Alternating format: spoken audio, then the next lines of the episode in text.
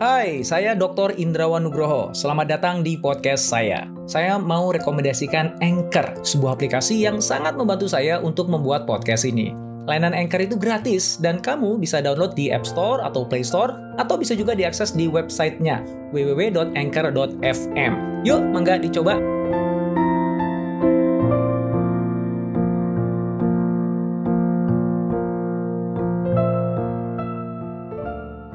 Saya bingung kenapa banyak netizen, termasuk pakar dan tokoh, mencibir 10 brand yang ikut meramaikan event Paris Fashion Show. Bukankah apa yang mereka lakukan itu udah biasa dalam bisnis? Saya malah khawatir itu akan punya efek buruk terhadap brand-brand lokal yang berupaya mendunia. Jujur, saya berpikir berkali-kali sebelum membuat video ini. Saya nggak ingin terkesan ikut-ikutan, apalagi mendompleng isu ini. Namun rasanya saya perlu speak up, menyampaikan pandangan saya saya ingin mengajak teman-teman melihat dari sisi yang lain, sehingga bisa juga belajar hal-hal baru yang bisa jadi akan membantu bisnis teman-teman untuk bertumbuh. Singkatnya, saya mengapresiasi apa yang merek-merek lokal itu lakukan dengan Paris Fashion Show. Mereka berani, hebat, dan kreatif. Bahkan saya bergerak lebih jauh dengan mengatakan bahwa setiap brand lokal Indonesia sebaiknya melakukannya. Hmm, kenapa begitu? Yuk kita bahas. Singkat aja.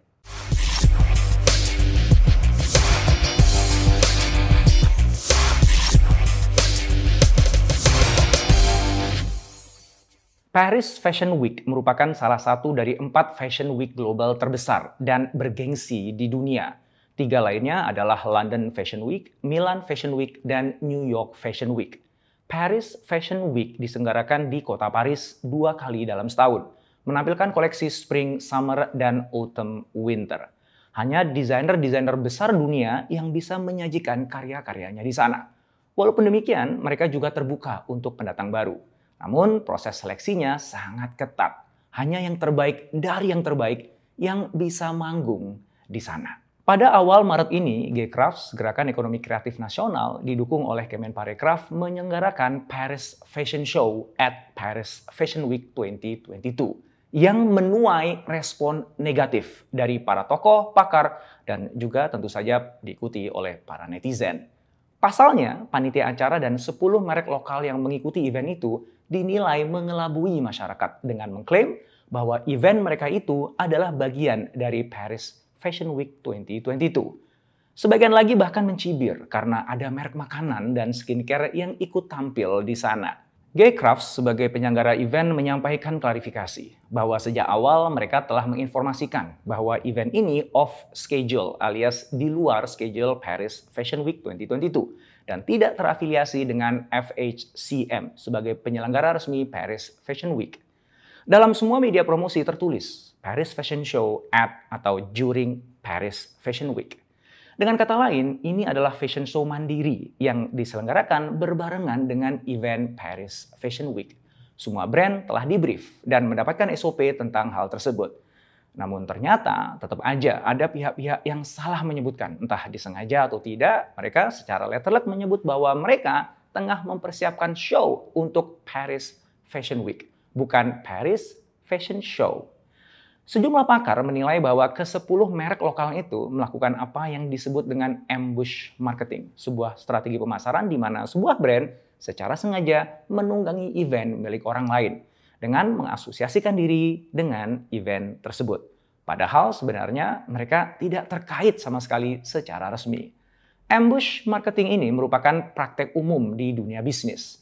Nike melakukan itu saat Olimpiade 1996 di Atlanta dan Olimpiade 2012 di London. Samsung melakukannya saat Apple meluncurkan iPhone 4S di Sydney pada tahun 2011. Jadi, 10 brand lokal tadi tidak melakukan sesuatu yang melanggar norma-norma sosial maupun bisnis. Paris Fashion Show adalah sebuah bentuk kreativitas. Dan sepertinya jika melihat paparan klarifikasi panitia event, mereka juga tidak melanggar hukum. Jadi, gojang ganjing Paris Fashion Show ini sebenarnya bukan tentang benar atau salah, melainkan tentang setuju atau tidak setuju, suka atau tidak suka, subjektif. Dan setiap orang tentu saja bebas beropini. Teman-teman sudah nonton serial Netflix Inventing Anna. Serial itu menceritakan kisah Anna Sorokin, remaja 26 tahun belasaran Rusia Jerman yang mengaku sebagai Anna Dalvi, ahli waris pengusaha karya Jerman. Penampilan, bahasa tubuh, serta kecerdasan Ana menuai impresi positif dari para pengusaha dan kelompok elit di New York serta para investor. Sehingga mereka bersedia bekerja dengan Ana. Semua itu ia lakukan demi mengejar ambisinya membangun Anna Delvey Foundation, sebuah klub elit di jantung kota New York. Kenyataannya, saat itu Anna Sorokin hanyalah anak dari seorang imigran Rusia miskin yang tinggal di Jerman. Anda melakukan apa yang kita kenal dengan istilah fake it till you make it. Berpura-pura sebelum benar menjadi. Banyak pengusaha yang meminjam mobil kawannya untuk ketemu calon investor. Tujuannya agar kelihatan sukses.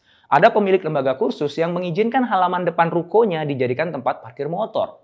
Tujuannya agar kelihatan ramai. Sehingga orang berpikir, pasti ini lembaga kursus yang bagus. Buktinya, banyak tuh siswanya. Fake it till you make it ini bahkan sudah menjadi standar di dunia hiburan. Industri hiburan mengenal apa yang disebut dengan Sinatra Effects.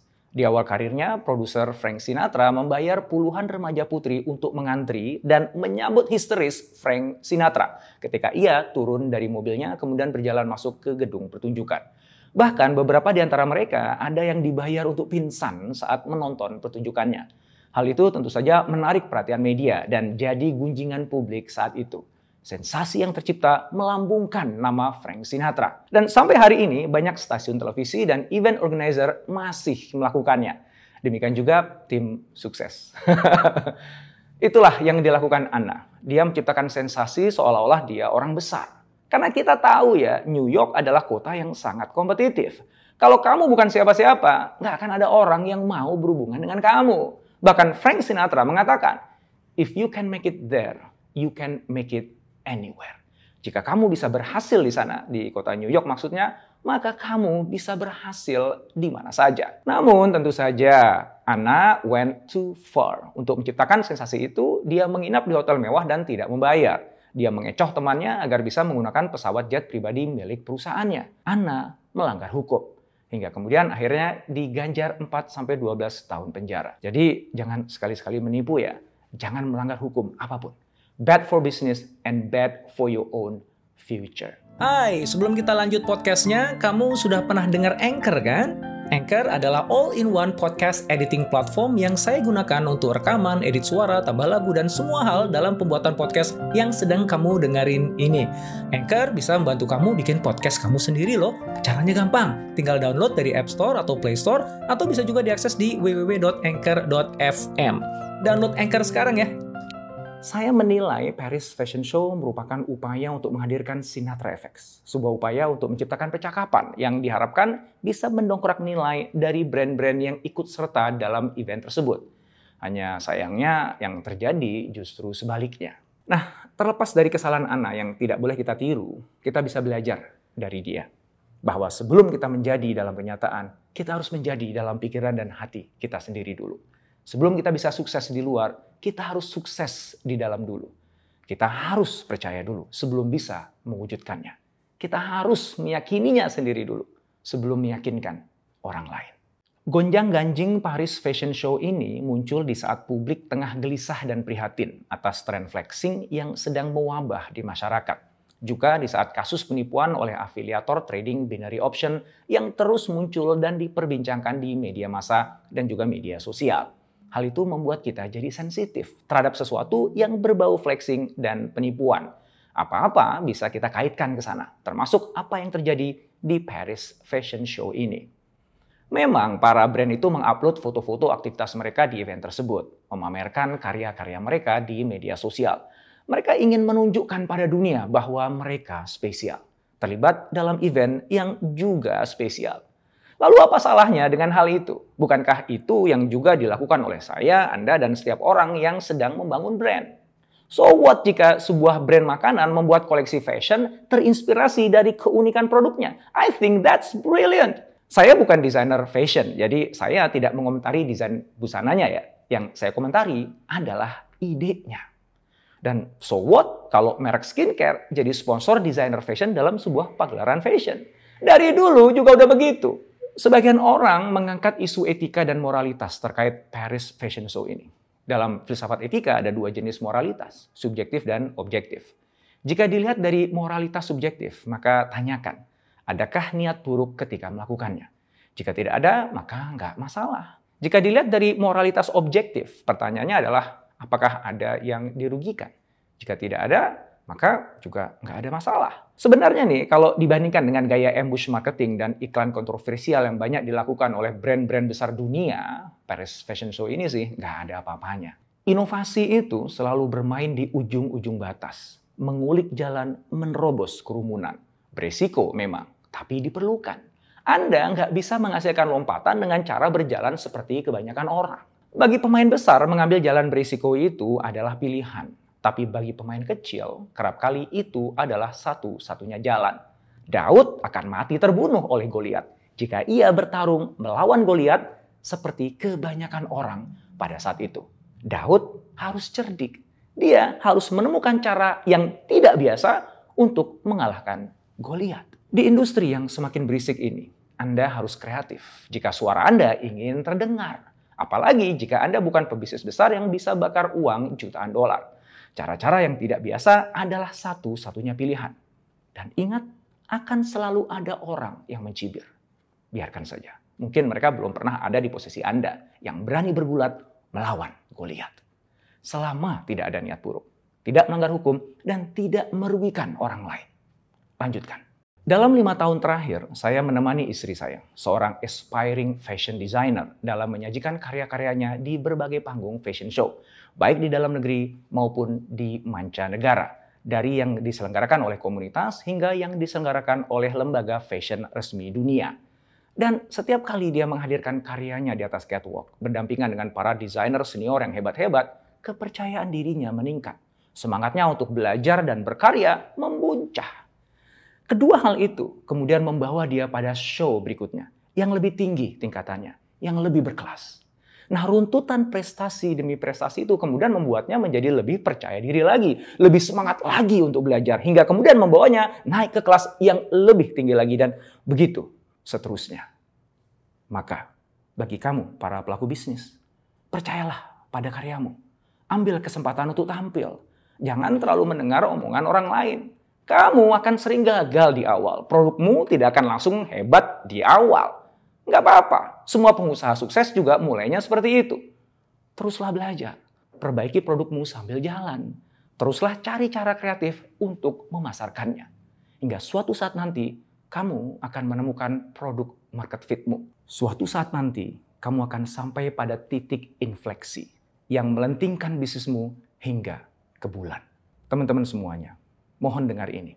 Sebelum kamu bergerak melakukan semua yang saya sampaikan tadi, luruskan dulu niatmu.